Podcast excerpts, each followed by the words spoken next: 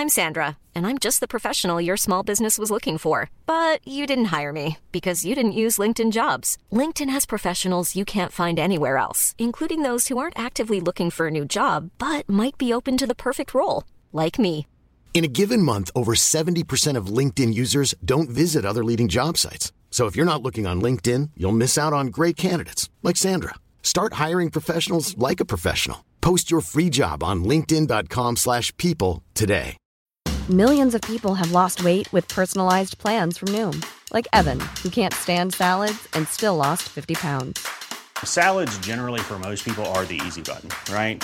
For me, that wasn't an option. I never really was a salad guy. That's just not who I am. But Noom worked for me. Get your personalized plan today at Noom.com. Real Noom user compensated to provide their story. In four weeks, the typical Noom user can expect to lose one to two pounds per week. Individual results may vary. Burrow is a furniture company known for timeless design and thoughtful construction and free shipping, and that extends to their outdoor collection. Their outdoor furniture is built to withstand the elements, featuring rust-proof stainless steel hardware, weather-ready teak, and quick-dry foam cushions. For Memorial Day, get 15% off your Burrow purchase at burrow.com slash ACAST and up to 25% off outdoor. That's up to 25% off outdoor furniture at burrow.com slash ACAST. Välkommen till Top of Mind Podcast med mig Ofelia Wistedt. Samtal om marknadsföring, sociala medier och hur du lyckas på TikTok som företag och kreatör. Idag är jag med mig Felicia Aveklev, sociala medieveteranen som gjort det få lyckats med. Byggt ett otroligt stort following på alla plattformar hon finns på. Felicia tar oss med på hennes resa på sociala medier, vi pratar framtidsdrömmar, hennes egna sminkvarumärke Loud Cosmetics och mycket, mycket mer. Felicia Aveklev, välkommen till Top of Mind Podcast. Tack så jättemycket. Så kul att ha dig här. Hur är läget? Jo men det är bra, det är bra. Det är starten på veckan, mycket att göra och hösten är här. Alltså jag jag hösten är här. Ser du det som lite nyår? Ja men jag ser det som ett um, self-care liksom del av året. Mm. Det blir mycket mindfulness, det blir mycket ta hand om sig själv, fixa hemmet, få igång jobb öppet. Mm. Fast just med sociala medier, sommaren är ju oftast död. Jag tänkte säga det, det är uppförsbacke under sommaren så nu är det verkligen dags att kicka igång igen. Ja det känns skönt. Ja. Lite kick-off, jag har en ny kollega, nya kul. spännande kampanjer och mål med året så det känns jäkligt bra. Gud vad kul. Hur är det själv? Jo men det är bara bra, så kul att sitta här med dig och jag brukar ju alltid ha inledande fråga om man inte känner till dig sedan innan, hur skulle du beskriva dig själv? Men det mm. känns mm. lite som fel fråga att ställa dig. Nej, Jo, men så mycket hype kanske. jag tycker inte börja sätta ja, men Många intervjuer kanske är lite mer nischade eller bara mm. håller på endast med TikTok. Men det känns som att du är riktigt veteran på sociala medier och är inte gammal alls. Bara ja, 26 år gammal. Lite poundquiz nästan känner man sen när man ja. varit med. Alltså jag tänkte på det, jag pratade i en vlogg nu jag spelade in där jag sa att ah, jag har redigerat videos i så många år och så räknade jag bara fast nej det stämmer inte. Jag har redigerat ännu mer. Ja. Jag har liksom jobbat med redigerade på dator sen jag gick i nian. Ja. Och nu är jag 26. Ja. Jag vet inte hur många år det är däremellan men det är mer än 10 i alla fall. Ja. Och för mig känns det så himla kul för att jag sa inte det innan vi började spela in men första gången jag mötte på dig på sociala medier mm. tror jag mm. var 2016 när du hade din första podd. Oj oj oj. Så jag har två tjejer en podd. Ja, ja, två en podd. Så jag har verkligen följt dig länge från när du bodde i Skåne, precis hade börjat. Alltså. För du verkligen var ju alltså, så tidig på sociala medier på Ask FM mm. och alla sådana kanaler som sen nu har blivit Instagram, Youtube, Snapchat, TikTok, TikTok, allting. Skulle du orka ta oss med lite på din sociala medieresa? Såklart! Hur startade det och hur hamnade vi här? Alltså jag fick upp ett intresse för sociala medier när jag gick i högstadiet. För jag hade en fantastisk svenska lärare som också utbildade oss inom media. Mm. Så då insåg jag väldigt fort att jag tyckte det var otroligt roligt att filma och jag satt i Windows Live Movie Maker. Alltså jag vet inte om du har jobbat i det här ja, programmet? Det, det är gammalt verktyg. Alltså det, och det kraschade var typ tionde minut och inget sparade. Så, alltså det var ju huvudvärk deluxe. Ja. Så att det slutade med att jag eh, började få låna hem en videokamera hem till eh, mitt då, liksom barnrum, satt mig ner och bara började filma allt. Och det här gick då över till att jag startade, mm, vad fasen heter Videofime? Ja, Videofime. Ja, Videofime ja. startade jag när jag gick i början av, vad kan jag säga, gymnasiet tror jag det var. Jag gjorde mycket videos med min ex, mitt ex och det var mycket så unboxning och what's in my bag och liksom alla de OG-videosen ja. som man kollade på då. Eh, och det jag hatade med den plattformen var att man kunde inte ha så långa videos. Nej. Så samtidigt höll jag på med Ask.fm som var liksom den mest toxic plattform du någonsin kunde cirkulera inom. Ja. Och det var ju, man, kort sagt så kunde folk skicka in anonyma frågor. Ja. Och det säger sig själv hur bra det är för en 16-åring att läsa dessa grejer. Eh, och jag blev rätt stor där. Så folk bara, men du måste starta YouTube. Och jag bara, YouTube? Vad fasen är det? Jag har aldrig ens kollat på någon YouTube-video. Ehm, och då jag bara, ja, ja, ja, då får jag väl göra det. Så jag började publicera alla mina videofami-videos på YouTube istället. Vilket år var det här? Det var 2014, nej 13. 13? Ja. 13 tror jag det var. Så jag höll på med Youtube i nästan nio år.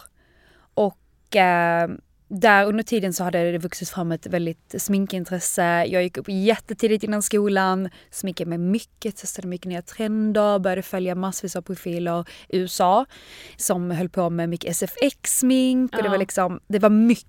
Och det här var 2013 då, Det då alla ja. hade Astasia brow, Precis, eh, Anastasias brow, brow pomade och allting. brow pomade. Full faced, cut crease. Det var liksom, man bara ja då ska jag till åttan. Ja, och det var lite så. med det här. Det var liksom min första riktiga liksom luxury-produkt jag också Ja. fick hemskickat. Mitt första Ja. PR, kommer jag ihåg, var Gud från, det var från Bangerhead. Och de hade skickat Anastasias contour kits.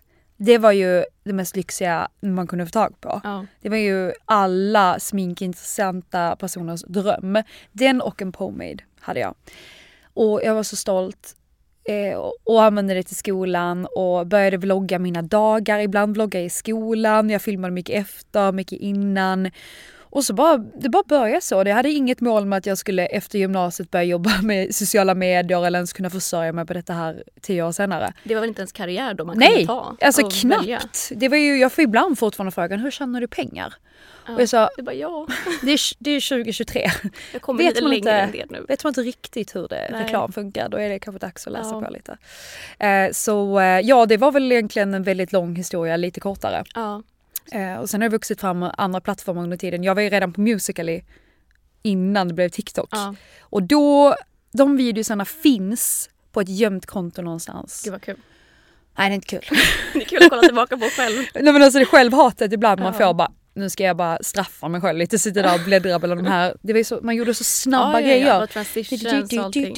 Alltså det var en sjuk, eh, sjuk tid faktiskt. Så att jag var med innan det blev eh, TikTok och sen när TikTok lanserades hoppade jag på dirr. Ja. Och det fick jag så mycket hat för. Fick du? För att youtubers hörde inte hemma på TikTok. Det var min number one kommentar. Gud vad sjukt. Det var faktiskt, eh, jag fick så jävla mycket hat för att jag var youtuber. För att vi hade redan youtube, vad ska vi göra på TikTok? Ja för du blev väl störst på Youtube först så du sattes väl lite i facket då som Mm. att okej hon är Jag en. Youtube-tjej. Och sen hade väl alla då en Instagram som Mm. hade som komplement men då kanske det var lite så här, men gud varför ska du in på TikTok? Ja men precis, men det var också lite så varför ska jag inte? För allt jag Ja. gör är typ videos. Jag gjorde jättemycket sminkvideos på Instagram, mycket transition-videos och allt sånt där. Effekter och det Mm. var, ja jävlar alltså. Eh, och sen Youtube också videos, varför skulle jag inte göra TikTok? Ja. Jag känner det är också en videoapp. Ja och det känns som att det har hänt så mycket på TikTok att Mm. det kanske inte har hängt med där i början när det var väldigt nytt att man tänkte så här, varför ska du vara här om det bara är dansvideos? Precis. Men jag tycker det är så imponerande som vi pratade om innan vi började spela in att du är verkligen en av få kreatörer som som sagt du blev jättestor på Ask FM, vad kan det ha varit 2011, 2012? Ja, slutet, ja någonstans där exakt. Jättestor. Sen Mm. gick du över till Youtube, blev jättestor. Du har idag 200 000 subscribers på Youtube. Du har... Knappt. Ja, jo men jag tror Det du har gått där. 2000. Ja men nästan. Fan, det, det, har, det har trigg, triggat mig lite för jag har Ja. varit på 200. Och sen ah, bara, nej, har du gått ner? har de gått ner 198 och jag har stått där nu ett tag. Sa, vad fan. Vi säger 200 000, det 200 låter 000. bättre. Avrunda uppåt. Eh, du har 250 000 följare på Instagram och du har 310 000 följare på TikTok. Och det är få personer som brukar börja då från ja, en plattform och sen bara kunna bygga following på en annan och en annan och en annan. Utan många kanske blir jättestora på Instagram och sen har svårt att ta sig över till TikTok eller att du blir jättestor på TikTok men har inte alls en följarskara på Instagram. Vad skulle du säga är det som har gjort att du har lyckats anpassa dig till alla plattformar, lyckats bygga following på alla plattformar? Alltså jag tror att mycket är att jag var rätt i tiden. Jag tror att jag hade jäkligt bra timing på alltihopa. Jag var på Instagram innan Instagram ens var jättestort. Det var fortfarande inte konstigt att ha en iPhone. Det var inte så många som hade touchmobiler. Då Nej. hoppade jag på Instagram. Och samma med Youtube. Det fanns typ ingen skånsk kreat- kreatör. Och jag bara, men eh, jag tycker det är kul att prata. Samma sak där. Och sen då Musical.ly och direkt TikTok. Mm. Så jag har väl alltid bara egentligen skitit i alla de här kommentarerna som är så fy fan vad tuntigt, vad ska du göra där, du är för gammal. För man är ju aldrig för gammal för någonting. Nej. Nu på TikTok ser man 80-åringar som står med så outfit of the day videos som är så jävla populära. Miljontals följare som liksom leder hela TikTok. Ja. Och det är det jag tycker är så härligt nu med TikTok, att det finns så mycket att kolla på. Det finns verkligen någonting för alla. Ja. Men jag tror också det är problemet, att det finns så himla många användare och därför är det väldigt svårt att stå ut och skapa sig ett namn från början. Ja. Om man inte kanske är en nepo baby eller att du har varit med i ett program eller ja, att det finns liksom en liten backstory också. Eh, så eh, det är väl min fördel. Att ja. jag också började för att jag tyckte det var kul och inte för att jag visste att det gick att jobba med. Ja. För jag tror det är fel eh, sätt att börja. Ja, men det känns som att du ändå har bra känsla för typ alla plattformar. Skulle du säga det? För att om man tittar då på en stor kanske modeprofil på, eh, på Instagram. Mm. De lyckas inte ta sitt content över till TikTok även om de kanske vill det. Mm. Men det känns som att du har alltid haft bra känsla för okej, okay, det här är den här plattformen. Hur kan jag anpassa mitt content till det här? Skulle du säga att det har varit så att du verkligen haft lite känsla för plattformen? Ja, på senaste mycket också skulle jag säga. För jag tror att det är en mognadsgrej i form av att man lär sig att anpassa sig efter sina följare och att kunna ta konstruktiv kritik och att kunna utvecklas. För att allt, hela livet handlar ju om att man ska bli äldre, man ska bli mognare, man ska utvecklas och samma sak på ens plattformar. Har du börjat med smink så kanske folk fortfarande vill se smink men på en ny nivå mm. eller på med en annan vinkel. Och samma om du gör lifestyle, då kanske man får ta det vidare mer än att bara idag ska jag städa mitt hem. Alltså ändå ändra det på något vis och hitta en nisch. Ja. Som, det är en sak som går så jäkla bra på TikTok är alla såna här speed cleaning videos. Ja. När folk bara klipper snabbt och det är någon musik och det är lite en vinkel högt ovanifrån och det är bara väldigt aesthetic pleasing. Ja. Så eh, det har jag väl försökt anamma och sen är det bara att testa sig fram. Vissa videos jag lägger timmar på att både spela in och redigera. Mm. 7000 views. Ja. Och för vissa är det jättemycket. Men när man själv ligger på en, liksom en högre summa visningar då vet man okej okay, det här var kanske inte riktigt det som klaffade med mina följare. Ja. Och på något sätt så handlar det om att jag ska ändå, jag ska plisa mig själv men jag ska ändå plisa de som valt att följa mig. Mm. Om jag bara ändrar riktning helt och hållet så kommer de bara varför ska jag då vilja följa dig? För det ja. var inte riktigt det jag förväntade mig. Nej men det är en svår balans att hålla det liksom på, okej okay, varför började man följa dig men också mm. utveckla hela tiden. Men jag tycker Exakt. du är väldigt duktig på att testa nya saker. Det känns som att många kan ha ganska mycket prestige i kanske så här, jag gör bara smink så därför mm. gör jag bara smink. Men det känns som att du också varit ganska orädd att testa nya saker som du säger. Ja, ah, speedcleaning går bra. Varför mm. kan, kan, jag göra det på mitt sätt? Kan jag testa det här? Och jag tror att det är en viktig del också i hur man utvecklas. Att du vågar testa Exakt. nya saker och kanske inte bara bli helt fast i liksom så här har jag alltid gjort, därför ska jag fortsätta göra det här. Precis, för det är väl ändå det fina med livet att man utvecklas. Ja. Och det är samma med när folk har kommenterat mitt utseende genom åren. De började följa mig 2014 och nu nästan tio år sen att de bara du har förändrats. Jag bara jag tackar gud för det säger jag bara. Du bara det har gått tio år. Ja, alltså, jag om jag hade sett likadan ut då hade det varit något fel. hade jag betett mig likadant då hade inte jag velat umgås med mig själv. För att back then jag tänkte annorlunda, jag tyckte annorlunda och jag betedde mig annorlunda och jag vill inte vara samma person för tio år sedan som jag är idag. Nej tack. Det är rimligt med lite utveckling. Ja men verkligen. Ja. Alltså det är inget konstigt. Nej. Och uh, om du jobbar ju då som sagt mest med kanske Youtube, TikTok och Instagram idag. Mm. Hur skulle du säga att ditt content på de olika plattformarna skiljer sig åt men ändå sys ihop till individen Felicia på sociala mm. medier? Någonting jag har försökt med mycket på senaste är att jag försöker jobba så mycket realtid som möjligt. På TikTok, om jag spelar in en vlogg på TikTok så kommer den samma dag. Mm. Och den är kanske inte så djupgående utan jag kanske fokuserar mer på att det ska vara lite rappt, att man ska få över, överblicken av vad som kommer att händas. Och sen så kan man följa mig typ på Instagram på story och se vad som faktiskt händer efter man såg videon. På Youtube då går jag in lite mer känslor, det är mer detalj, det är kanske lite lugnare och lite mysigare att kolla på. Och jag vill att Youtube ska vara lite som att du sätter på ett avsnitt Vänner på TVn ja. och du bara låter det vara på. För du kan liksom lyssna på mig i bakgrunden, jag ska kunna göra saker utan att åh oh, nej nu missar jag det, nu missar jag det. Ja. TikTok kanske man måste sitta med och bara följa varje steg. det ska steg. Gå snabbt, liksom. Ja, det ska gå snabbt, det ska vara effektivt, man ska lära sig någonting. Mm. Youtube är kanske mer så, vi djupdyker i den här dagen eller i det här ämnet och sen bara se vad det tar oss. Mm. Eftersom jag filmar hela min dag så vet jag aldrig vad som händer från morgon till kväll. Men i TikTok har jag Ja. oftast kanske ett syfte med varför jag filmar. Mm. Och sen Instagram, det får vara lite där på sidan av och kanske visa mer från ett visst tillfälle i form av om det blir ett inlägg. Eller så får vi lite stories som är kanske bara, ja idag ska jag äta lunch eller ja, det här hände nyss eller bara oh my god. Alltså det blir lite mer direkt mellan bilderna och videosarna vad som Mm. händer då. Och det känns som att du är så himla bra på att vara så här rå och ärlig och uppdatera live som du säger. Du hade ju till exempel nu en, men en eh, process med din visdomstand Åh, stackarn. herregud. Och jag tycker Ja. det är så härligt att du liksom bara bjuder på det och bara säger ja, så här är livet. Och det känns ju lite mer åt det här Gen Z-innehållet. Mm. Att det är väldigt så här rått och ofiltrerat om man jämför med typ din Instagram kanske back in the day. Mm. Där du har väldigt mycket smink mot så här clean bakgrund till att man verkligen får följa bara ditt liv Ja. lite mellan Youtube och TikTok. Precis. Och det har väl kanske också mycket med vad jag tycker om att se.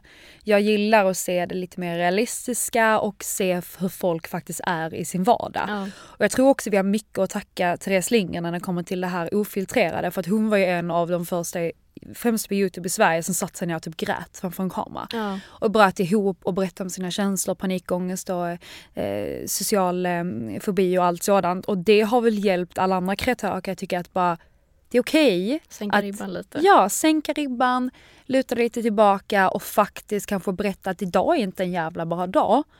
Men jag kanske ska försöka göra det bästa av den. Mm. Istället för bara ge upp. Och ehm, det är väl det mindsetet jag har med i alla mina plattformar men försöker hålla varje plattform lite unik för att det ska finnas ett syfte att följa Ja. mig på alla. Ja. Ja. Och du har ju verkligen vuxit upp framför en kamera. Mm. Alltså du har ju delat med dig av hela ditt liv från när du var liten med din första kille till liksom där vi är idag där du driver företag.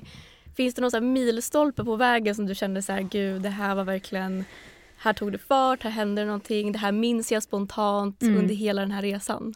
Jo men absolut, det finns jag minns så tydligt när jag fick 10 000 följare på Instagram. Det var påsklovet i ettan på gymnasiet och jag var hemma hos en klasskompis.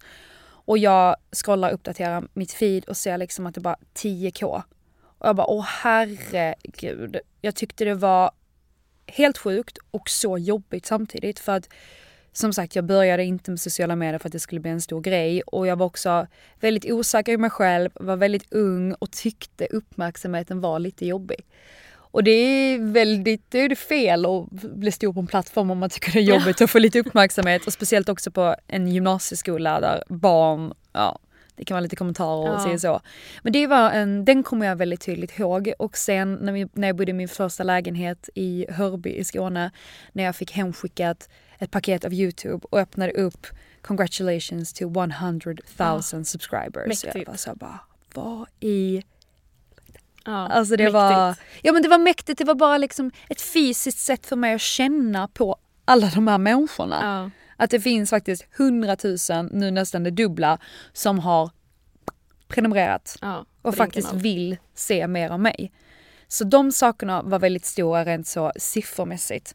Och sen så har det varit att vara med på TubeCon när det var. En Mm. Youtube-turné som vi åkte runt i Sverige och nu när jag tänker på det bara så. Vi sätter 40 barn i ett tåg och slushar dem igenom Sverige och sen får de träffa lite folk. Ja. Jättekonstigt.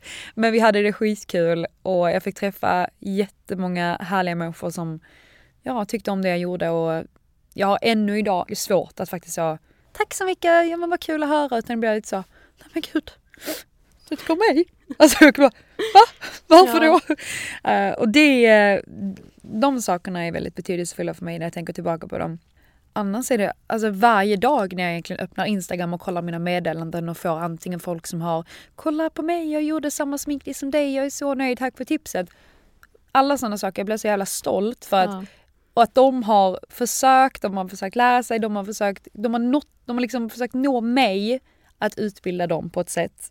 Eh, och vill ha min bekräftelse och uppskatta det jag gör. Alla sådana små saker betyder ofantligt mycket. Eh, och bara känna att jag gör någonting som betyder någonting. Sen är det inte att mina sminkvideos räddar inte världen. det vet Men jag. det är så fint. men räddar en många- dålig sminkning i taget. Nej, men jag tänker också du som då verkligen har vuxit upp framför en kamera. Att jag tänker många måste kunna finna så mycket tröst och stöd i liksom Mm. dig på hela din resa. För du har varit väldigt transparent med motgångar, medgångar, liksom relationer, familj, allt sånt där. Mm. Jag tänker det måste ju också kännas, känns det fortfarande surrealistiskt att känna så här, men gud, folk verkligen ser mig som ett stöd, jag kan finnas där för människor. Eh, Ja men jag, det som är också konstigt är när folk minns grejer. ja. För jag, när folk kommer fram och pratar med mig och de nämner grejer, jag bara men hur vet du det här? Alltså jag bara va? Det var just det jag har lärt om det. just det, jag pratade om det här i en Youtube-video. Att det, det funkar ju, mina sociala medier också form av utlopp för mig att reagera av mig, dela med mig av mina känslor, verkligen så, lite som en dag, offentlig dagbok. Ja. Och jag har ju eh, jag har pratat om min relation med min biologiska pappa, hur jag sa upp den, hur jag eh, lät min pappa nu adoptera Mm, mig. Hur Så jag, fint. Ja men det, det är faktiskt Det en en video. video. Det är en video som ibland cirkulerar, kommer upp på mitt flöde igen och jag ser liksom att folk har taggat och kommenterat Ja. det. Kollar jag alltid på den så kommer det en liten tår. Ja, jag kan inte kolla på den när jag är sminkad för jag börjar gråta så mycket. nej, nej, nej. ja för er som undrar så eh, 2020 tror jag, 2020 2021 så, eh, så eh, hade jag via staten och tingsrätt, alltså jag ringde så många människor. Mm. Alltså folk bara, hur gjorde du? Jag bara, vet du vad?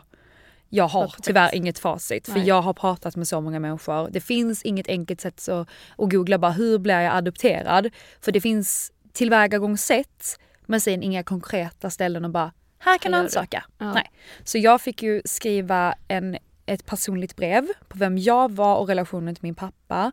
Och sen så fick, fick min mamma intyga detta med ett personligt brev. Och sen så skrev jag en fullmakt till honom som han var tvungen att skriva under och sen skicka in. Och sen Ja. tingsrätten arbetade med det här fallet och sen så godkände de det så fick vi, eller först fick min biologiska pappa hemskickat papper. Eh, och det var jättejobbigt när jag fick reda på att han inte ens hade mm, försökt överklaga. nej. För att han har rätten att kommentera men eftersom jag var myndig har han egentligen inte någonting att säga. Eh, och det tyckte jag var väldigt så, okej du, du, skit, du skiter så mycket i hela situationen. Hade mitt barn skickat hem en blankett där det står Hej jag vill typ inte ha något med dig att göra längre, kan du adoptera bort mig? Någonting vill man väl ändå få sagt. Ja, och det är fruktansvärt tråkigt. Men jag tycker du gjorde en så himla fin sak då av Mm. att låta din låtsaspappa bli din riktiga Ja. pappa. Nej, för han har ju alltid funnits, han har funnits där genom hela mitt liv sedan jag var fyra år gammal. Han är pappa till mina systrar. Han har lärt mig skriva, läsa, åka skridskor, simma. Alltså alla sådana saker som en Mm. pappa gör. Och jag har alltid sagt att pappa är en titel du förtjänar, inget du liksom får. Mm. Och det har jag, har jag visat så jävla tydligt via honom att han, har, han tog sig an sin papparoll för mig sen dagen jag kom in i hans liv. Så det har jag pratat mycket om på min Youtube-kanal och sen har jag gått igenom en abort som väldigt ung när jag gick i gymnasiet med ett ex som kanske inte var toppen Nej. och man har fått följa mina relationer och jag har flyttat och när jag tog studenten. Ja. Alltså det finns verkligen så stora ögonblick i mitt liv på mina kanaler som jag ibland kan kolla tillbaka till och bara shit, att det här liksom ligger, jag kan återuppleva, återuppliva det här igen. Ja, Och det är fint för mig, för att jag har det som en liten, liten bilddagbok liksom. ja.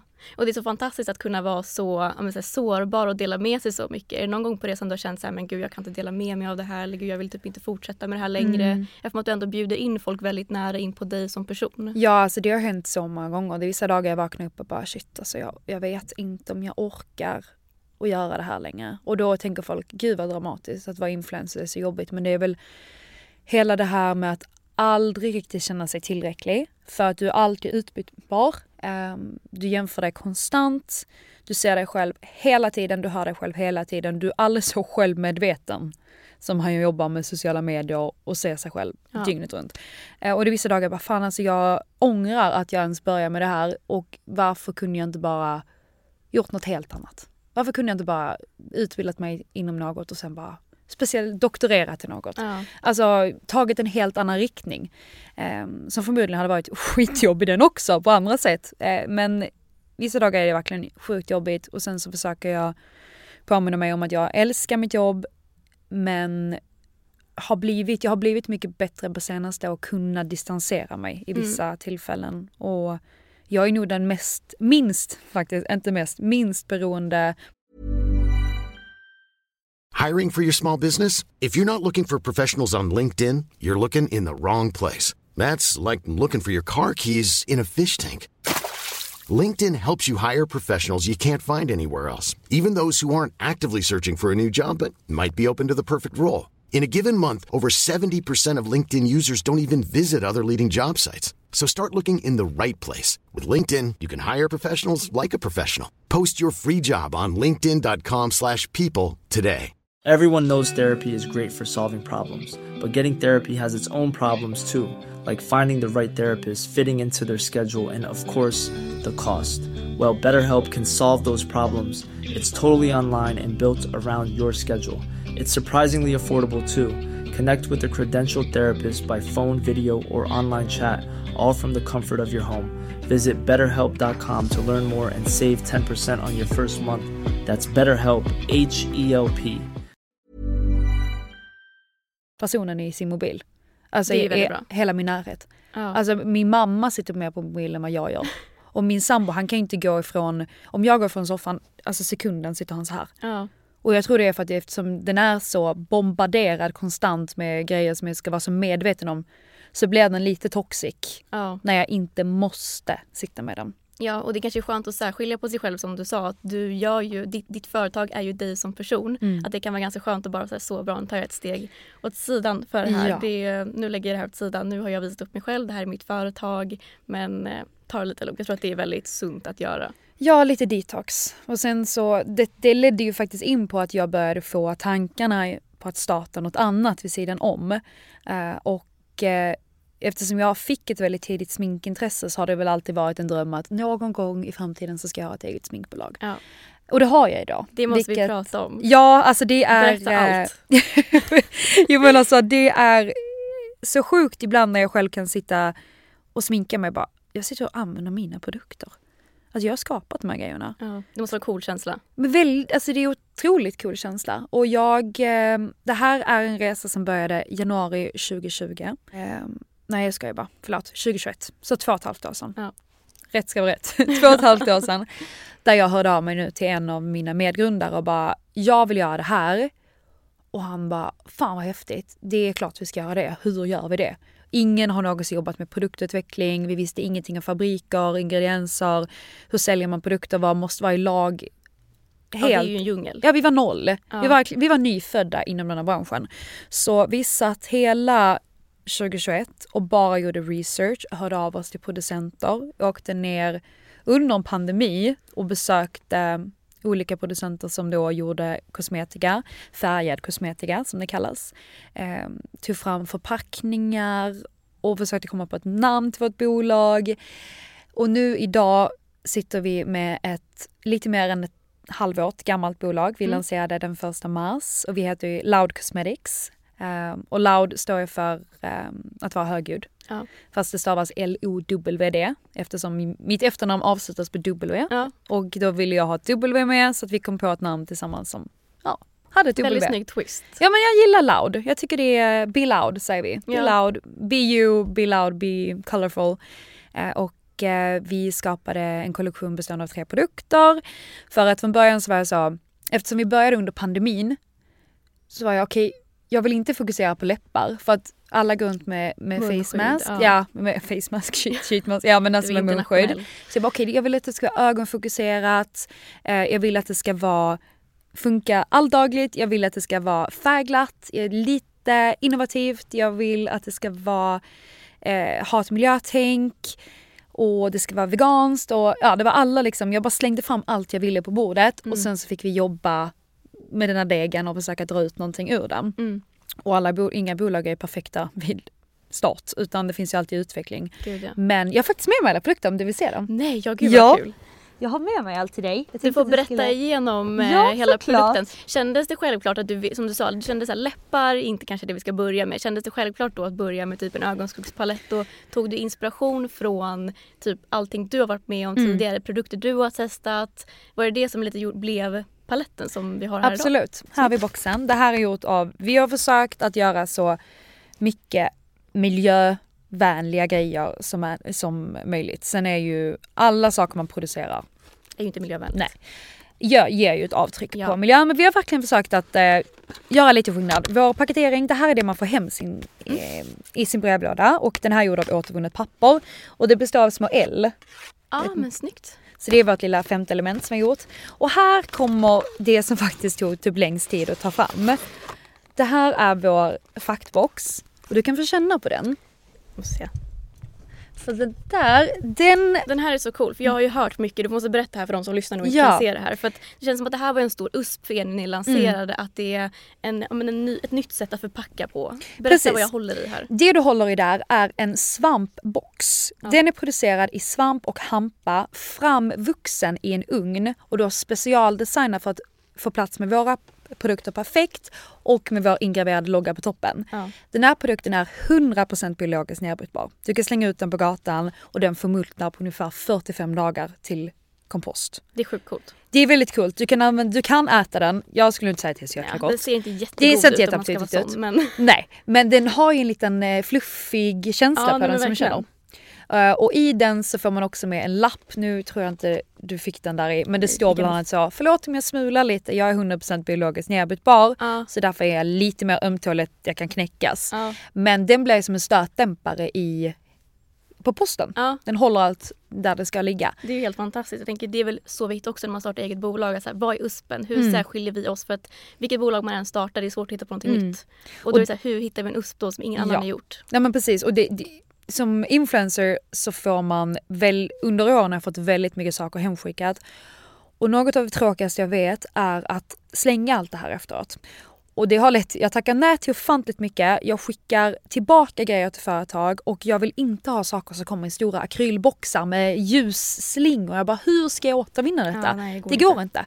Så vi har helt skippat, som du ser, den, det där kallas det first packaging som Ja. du ser eh, själva produkterna i. Ja. Normalt så kommer de kanske i en second dairy packaging kallas det. Som en liten låda. Och sen i en låda, så third packaging. Ja. Vi skippade den andra ledet för att just minska på skräpet, minska på att du måste slänga grejer och minska på miljön. Mm. Eh, Så det var en grej vi höll på med väldigt länge, de där svampboxarna. Ja. Och jag tycker inte den får tillräckligt med uppmärksamhet för att många är är så, ah, jag vet grej." inte vad det här är för någonting och kastar den. Jag bara Läs lappen. alltså kolla, det, det är faktiskt jätteintressant. Och vissa säger ah, den kanske inte är så snygg. Jag bara, men den är snyggare än en kartongbox. Jag tänker det ska ju ändå slängas. Ja, exakt. Du kan plantera i den, Ja. vilket är väldigt häftigt. Gud vad kul. Om du tar botten och lägger ner frön och vattnar så kan du plantera direkt Gud i den. nice. Hade du tanken när du började med företaget tänkt så här, hur ska vi göra det här annorlunda från alla andra? Miljötänket var väldigt viktigt och eh, jag vill att det ska passa nybörjare men professionella makeupartister också. Eftersom jag har varit, jag har varit utbildad makeupartist sedan 2016 så är det sju år. Ehm, och jag vill att de här produkterna ska nå en viss standard som är liksom det här är the best of the best. Tio matta skuggor i ögonskuggspalett, två skimriga. Använder dem varje dag och de ska funka överallt. Jag använder dem på kinderna, på, som fräknar, contour, läpppennor, whatever. Eh, de ska var, ha neutrala skuggor som ska funka varje dag för de som inte gillar så mycket och de ska ha färgglatt för de som vill implementera lite mer färg och experimentera mer med smink. Så det var kanske den produkten som var lite mer vågad eh, och stack ut mer. Jag ville också att den skulle ha en stor spegel, jag ville att designen skulle vara simlig. Alltså alla sådana här saker tog väldigt lång tid. Om man räknar, det tog Ja, två år. Eh, Och sen så skapade vi en mascara också som, det är kanske inte så wow revolutionerade en mascara. Men den innehåller nästan 87% naturliga ingredienser. Sen ska vara väldigt vårdande. Och den är gjord i återvunnen plast. Så det var de två sminkprodukterna och sen så eh, gjorde vi även tre, egentligen fem från början ögonskuggsborstar men jag fick sålla ner dem till tre stycken som jag ändå kände det här är ett bra kit. Mm. Sen så är vissa som bara "Åh, jag önskar att den var jättestor. Man bara ja det kommer kanske. Alltså det kommer men nu fick, nu fick jag välja göra tre stycken Ja. och det var de som jag ändå kände det här är bra jävla borstar. Och samma där återvunna, eh, återvunna plast, aluminium och fiber. Mm. Så eh, ja, Så kul startetta. Mm. Hur har det varit för dig att känna så här, men gud, kändes det som ett naturligt steg att starta bolag då när du har jobbat så mycket på sociala medier? Kändes det naturligt att då vara så här, okej, nu måste jag starta någonting som är större än mig själv, som kan leva längre än mig själv och jag på sociala medier? Ja, det kändes väldigt konstigt och för att jag det var just den synpunkten eller aspekten jag hade att jag vill kunna skapa någonting där jag faktiskt kan vara med och bygga upp det och ge det ett värde som den klarar stå på egna ben. För om vi säger att jag får in en kampanj då marknadsför jag bara det bolaget och sen så går det bolaget vidare. Men när jag lyfter mitt egna bolag då kanske jag sätter någonting som kommer att finnas förhoppningsvis om hundra år Ja. och kanske vara ett stort internationellt kosmetikabolag som har hur mycket, ja. Alltså det var ju hela min tanke att jag vill göra någonting som ändå kommer att finnas och leva efter jag dör. Ja. Kort sagt. Eh, men eh, det är jätteannorlunda att marknadsföra produkter än en personlighet. Ja, men jag kan tänka mig det. För jag tror många resonerar som dig, att man är en reklampelare för många andra företag och att det är då så sjukt kul att få hoppa in och vara så här, nu marknadsför jag mig själv, jag behöver inte marknadsföra någonting annat, det här är verkligen mitt. Vad skulle du säga är den största skillnaden att marknadsföra då produkter och ett nytt varumärke versus den marknadsföringen du har gjort ja, men privat? Ja, men mycket jag inte kan anspegla på en personlighet. Ja. Alltså jag kan ju få igenom min typ av checkhet i tutorials och så vidare. Men i slutändan så ska ju personen vilja köpa produkten för att den är bra, inte för att jag sitter och är lite rolig. Ja. Det har varit jättesvårt och att det är fler människor än bara jag. Så att jag måste även ta in andras kritik, jag måste lyssna på omvärlden, jag måste bry mig om hur det här påverkar vårt bolag och inte bara tänka på att det här är kul eller det här vill jag göra nu utan det ska ändå finnas en anledning och det kan bli en reaktion av det jag gör. Ja. Och så såklart jag tänker i mitt egna också men på ett annat vis. Så att då gör jag någonting kanske för att jag tycker det är kul eller är inspirerad men det här måste ändå vara genomtänkt. Det måste vara utfört korrekt. Det har med ingredienser att göra. Det ska vara liksom eh, Det ska funka i, i längden. Det ska inte på... Ja, alltså det finns massa andra saker att tänka på. Eh, och, men just marknadsföra produkter är, är svårare för att eh, folk ska genom en skärm se att det här funkar bra och blir så sugna på att köpa dem. Jag måste liksom övertyga dem Ja. att det här är good shit. ja, Men folk än idag tror att det här är inte mitt bolag, vilket är lite det är sjukt. roligt. Ja. Det var någon som skrev till mig på Instagram häromdagen bara “Kan inte du starta sminkbolag någon gång?” Bara, Jag bara mm, “Jag har ett sminkbolag, hehe." Då vill man hellre inte vara så så, men driver du? Alltså, jag hade lust att bara “Alltså förlåt, men du, du kan ju absolut inte följa mig om du inte har har sett koll på det här. Ja. Nej, men jag bara “Jag har faktiskt ett bolag redan, det heter så här”. Ja men gud, det har jag missat. Och det är jättemånga som har missat att jag har startat ett bolag. Och det är där jag försöker liksom få in alla de människorna. Och ni visar upp många olika ansikten Mm. på era sociala kanaler och det känns som väldigt community-drivet. Mm. Var det lite tanken då att det inte heller bara ska vara dig? Du ska inte Ja. bara vara företaget, det ska vara andra människor. Man ska se för många olika typer av ja, skills och ansikten och hudfärger. Har det. Men- varit fokus i marknadsföringen? Det har varit väldigt mycket fokus. Alltså community driven, fun och caring har alltid varit tre ståndpunkter som har varit viktiga. Det ska vara kul att jobba med, det ska, man ska bli inspirerad, man ska känna sig inkluderad och man ska känna att det är produkter som är faktiskt bra för en. Att man inte bidrar till för mycket negativitet Ja. både på klimatet och att det är massa toxider och så vidare. Och så vidare. Eh, från början var det också tanken att jag inte alls typ skulle vara med för att jag skulle låta det här vara lite fristående. Men nu under det här halvåret har vi kanske fått en liten annan bild och eftersom jag ändå sitter på mycket expertis genom åren när det kommer till eh, utbildning och jag har använt ofantligt mycket produkter så vill vi istället implementera kanske makeupartistens synvinkel på det. Ja. Så här funkar det för makeupartist och så här kan vi utbilda er. Mm. Så nu eh, de senaste månaderna har jag väl börjat med, med typ utbildningsvideos, tips och tricks, eh, lite mer sådana grejer. Ja. Och det har jag märkt har varit väldigt uppskattat. Så det är väldigt kul när man Ja. ser resultat på ändringarna. Ja, och det måste väl vara så att marknadsföringen är väldigt fluid när man är så nytt bolag. Att man Ja. får anpassa efter vad händer, hur går det? Att det är svårt att spika en fast plan. Ni kanske hade en tydlig syn. Så här, så här ska vi Det göra. hade vi verkligen. Och sen blir man så här, nej det här gick inte alls. Vi får Nej. ändra det lite på vägen. Ja, så var det absolut. Men jag hade en helt annan bild i början. Bara, så här kommer det bli, så här kommer det vara. Och sen så bara, nej det flög inte. Okej, eh, hur kan vi tweaka på det lite grann? Och sen hur kan vi kanske tweaka lite mer och tänka om? Och det är ju en lärorik period, absolut. Jag har, Ja. inte jag har lärt mig så ofantligt mycket på två och ett halvt år.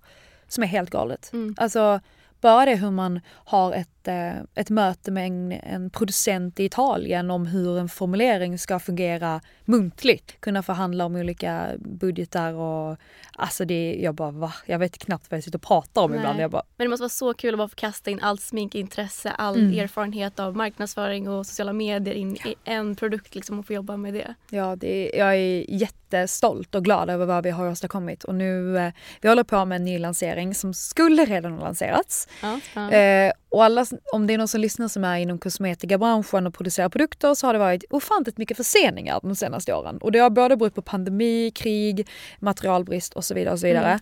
Så vi skulle lanserat något i maj som blev augusti, som blev september, som blev oktober. Vi, eh, vi får se. Jag vågar inte varken säga ett datum eller eh, peppar peppar, typ ja. prata för mycket om att det kommer det här året. För att jag vet inte. Men det kommer nya lanseringar. Kan det du tisa någonting? Har det, man måste jobba ganska långt fram mm. när det kommer till kosmetika. Jag har ju varit konsult på Kaja så jag har fått lite okay. insyn i hur ja. man jobbar där liksom med produktutveckling och allting och alltså vilka jäkla ledtider det är på allting. Det är sjukt. Och det som folk kanske tror tar längst i det är själva formuleringen. Men det är ju själva förpackningen. Själva förpackningarna kan ta upp mot ett år och bara liksom få typ en sample på vissa gånger. Mm. För att det kan vara att en, ett, eh, just ett ämne är slut eller att fabriken inte har tid där eller så kan det vara att en mall är sönder, en mall måste produceras om. Alltså att göra själva förpackningar för grejer tar så ofantligt lång tid. Och det är det som har varit problemet den här gången. Mm. Inte själva produkten utan själva förpackningen. Men eh, jag kan tyvärr svär inte säga vad det är Nej. någonting. Vi, Vi får vänta se. med spänning för att se vad det är ja, för någonting. Jag kan säga att det är jävligt bra i alla fall. Gud, för något kul. annat skulle jag inte producera. Nej men det kan jag tänka mig. Gud vad spännande. Alla får vänta med lite spänning för att se vad det blir för någonting. Ja. Men om du, om du tittar långsiktigt.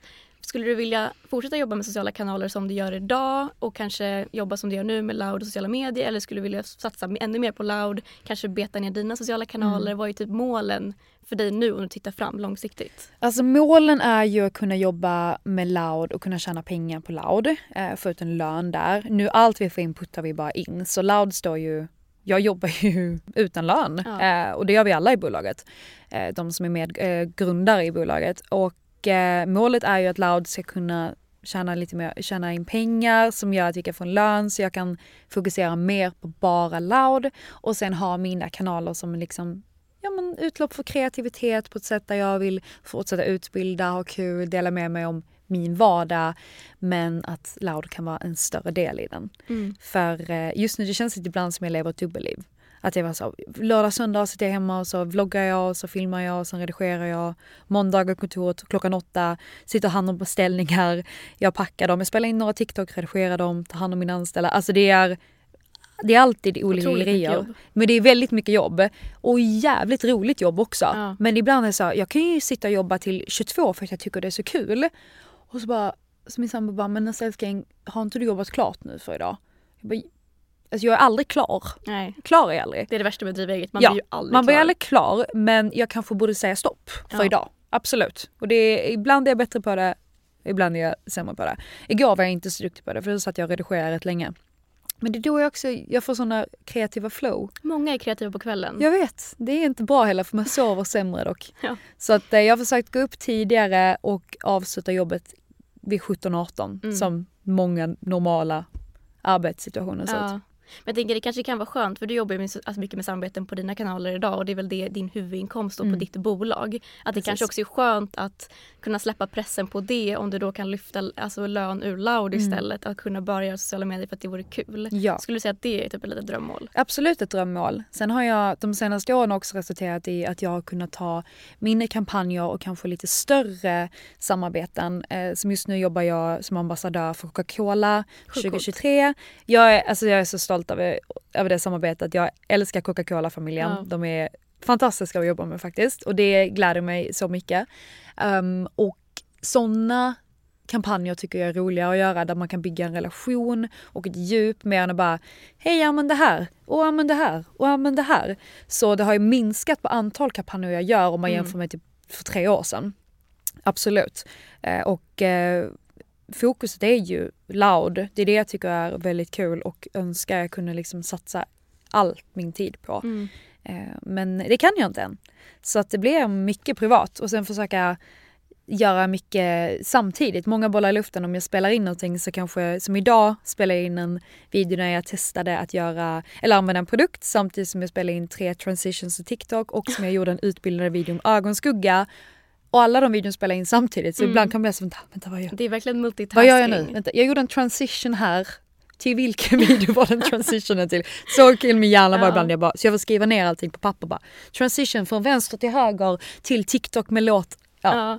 ja. Så så många dagar ut att jag ja. spelar in många videos samtidigt så jag kan placera ut dem under veckan och sen fokusera på mycket adminjobb de andra dagarna och packa Mm. ordrar och sköta mailkommunikation och allt sånt. Ja, nej men det är så jäkla imponerande att man hinner med så mycket. Liksom att du har så många bollar i luften men så jäkla coolt och att man känner sig okej det här är långsiktiga målet, är verkligen det här jag Mm. drömmer för. Men att okej då måste jag ändå bolla allt det här på sidan och jag tycker det är ja, men sjukt coolt och jättemycket respekt för arbetet som du lägger ner och ja men vilket fantastiskt resultat det blir på alla kanaler och med företaget och allting. Det är jätteimponerande. Tack. Nej, men jag tror också mycket nyckeln är att eh, faktiskt ta ledigt också. Ja. Eh, I sommar så tror jag, hade jag väldigt lite jobb på mina privata kanaler. Mm. Sen så att driva ett eh, produktbolag vid sidan om som man måste hålla levande under en sommar, under en lågkonjunktur när Mm. folk inte kanske lägger så mycket pengar på smink. Kanske inte det lättaste. Men jag, tog en, jag tog faktiskt min första veckas semester utan att filma någonting på flera år. Och vilket var Skönt. skönt men jävligt jobbigt samtidigt för att jag tänkte bara fan vad jag missar mycket content. Alltså nu hade jag kunnat vlogga så mycket mysiga film, videos Ja. till Youtube och jag kan än idag bara så, var, varför vloggar jag inte? Nej för att du bara njöt på stranden. Och det är helt okej ibland bara släppa allting och jag tror Ja. det är väldigt viktigt för ens välmående också bara så här, nu är det sommar, jag ska ta semester som alla andra och sen jävlar när hösten kommer då har jag ny energi, jag är peppad och då blir det en massa spännande grejer. Ja.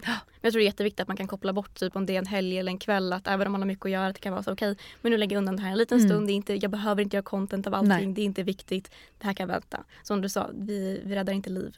Nej, vi räddar inte liv.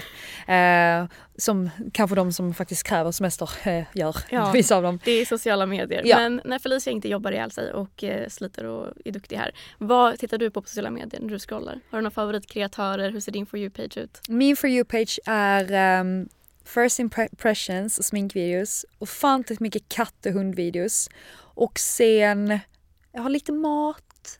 Uh, men sen mest djur. Alltså Mm, jag älskar att sitta och kolla på djur. Det, det är något av det bästa jag vet. Och Idag fick jag, jag fick upp en så fin video också på ett par som där det ena av dem friar till sin partner på heter det, Disneyland. Och den bara liksom börjar gräva i sin ficka och då hade den också tänkt att fria. Nej, Så de sätter sig ner och bara börjar gråta. Jag bara dem på vägen hit. Jag bara, jag är väldigt blödig så jag bara, Ja men gud jag don't, don't cry, don't cry. Så det är ju det jag eh, kan scrolla i timmar så, vet jag, innan man går och lägger sig. Man bara, ska jag bara kolla lite. Bara, Mm. det, det, det. En timme senare bara jag kollat på 85 taxar som i, har en liten tuxedo och hatt på sig. Liksom. Så, Har du någon kreatör som inspirerar dig i ditt eget skapande? Mm. Jag gillar jättemycket en tjej som heter Rachel O'Call, tror jag hon heter. Mm. Eh, hon gör också mycket tipsvideos och kör väldigt mycket redigering i form av text och ljudeffekter. Och, ehm, hon kör mycket parallellvideos till framtiden, tillbaka, framtiden. Det tycker jag är väldigt Coolt. kul att kolla på. Jag blev väldigt inspirerad av hennes eh, content. Och sen så följer jag också en tjej som heter Victoria Paris som kör ofantligt mycket vloggar. Och de är så ofiltrerade. Hon pratar på ett sätt som är som att man sitter på ett Facetime-samtal. Och det är svårt att anamma den typen av kommunikation med sina följare. Tror jag har försökt. Ja, jätteimponerande. Jätteimponerande. Hon inspirerar mig som tusan. Så det är två kreatörer som är lite mer typ så lifestyle tipsgrej. Eh, sen har jag vissa som är liksom mm, smink, smink, smink tjejer och killar. Och allt. Mika- Michaela. Ja. Kim Jag tänkte precis säga det. Kardashian. Eh, också en jävla maskin på content. Alltså allt hon puttar ut kollar jag på. Och hon, har sån, hon är så duktig på att interagera med kameran. Ja. Hon har en blick och ett, liksom ett vokabulär som är väldigt eh, indragande. Mm. Man blir helt fast Mm. i det hon säger. Så jag vill några profiler som kanske gör lite samma som jag gör som jag Mm. tycker är väldigt roliga att kolla på. Och det är också nyckeln till att få visningar om man nu vill få det att liksom växa. Att man gör saker man tycker är kul och som man själv kollar på och som samtidigt man ser funkar. Ja. Det Men det är kul, så du är, inte- du är inspirerad av många på internationella Ja. marknader, inte så Ja. mycket svenska plattformen. Nej men eh, nej, inte jättemånga. Jag kollar otroligt mycket på ehm, Tilda och eh, Isa och hur de gör också Get Ready With Me's. Jag följer en tjej faktiskt, hon är 13 år gammal. Åh jäklar. Jag tror Ja. jag vet vem du menar. Ja, hon, hon heter Get Re- Get Ready With Me, Ja. vloggersmys 0 Ja. på TikTok. Och att man är 13 år gammal och har det här bild, alltså det språket med kamera. Jag är helt chockad. För Men, jag men pratar du var ju också lite det när du var 13. Ja fast inte så här. Alltså jag kan sitta och kolla och bara hur kan hon spela med kameran på det här sättet sättet, veta exakt vad hon ska säga, ha så långa monologer mm. som bara inte klippa mellan dem för hon vet precis vad hon gör, vad hon säger och hon är säker i det hon säger. Ja det är så jävla snyggt man det, är Jag respekterar det så jävla mycket. Så många sådana kreatörer följer jag och eh, kollar slaviskt och känner de hjälper mig att bli lite säkrare i mig själv och att tro på det jag säger. Mm. Det är men bästa sättet att bli inspirerad av att kolla på andra på det mm. sättet. Och avslutningsvis, vad skulle ja. du säga är ditt bästa tips till up and coming kreatörer på sociala medier? Up and coming, jag skulle säga så här, försök inte bli nya Matilda Järf. För det finns redan en Matilda Järf och ja, liksom the, the blueprint. Eh, försök inte att bli den nya träslingen utan försök bara göra det du precis tycker är roligast och bäst på. För att det finns alltid någon där ute som eh, har ett liknande intresse som dig, som vill öppna sina vyer, lära sig nya grejer och då är du kanske rätt person. Så tala från erfarenhet, försök stay true to yourself. Alltså var, ta inte an någon annans personlighet eller någon annans nisch. Mm. Var bara precis den du är och var snäll. Alltså är man snäll då kommer man väldigt långt. Verkligen. Ja. Så bra tips Felicia Aveklev. Stort tack för att du var med i Top of Mind Podcast. Tack för att du hade mig.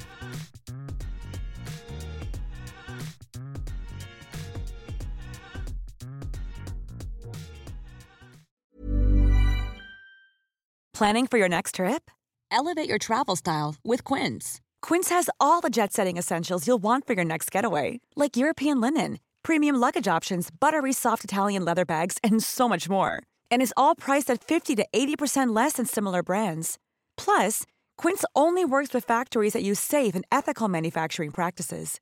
Pack your bags with high-quality essentials you'll be wearing for vacations to come with Quince. Go to quince.com/pack for free shipping and 365-day returns. Mom deserves the best, and there's no better place to shop for Mother's Day than Whole Foods Market. They're your destination for unbeatable savings, from premium gifts to show-stopping flowers and irresistible desserts. Start by saving 33% with Prime on all body care and candles. Then get a 15-stem bunch of tulips for just $9.99 each with Prime. Round out Mom's menu with festive rosé, irresistible berry chantilly cake, and more special treats. Come celebrate Mother's Day at Whole Foods Market. It. Imagine the softest sheets you've ever felt. Now imagine them getting even softer over time. That's what you'll feel with Bowl and Branch's organic cotton sheets. In a recent customer survey, 96% replied that Bowl and Branch sheets get softer with every wash. Start getting your best night's sleep in these sheets that get softer and softer for years to come. Try their sheets with a 30-night guarantee. Plus, get 15% off your first order at bowlandbranch.com. Code BUTTERY. Exclusions apply. See site for details.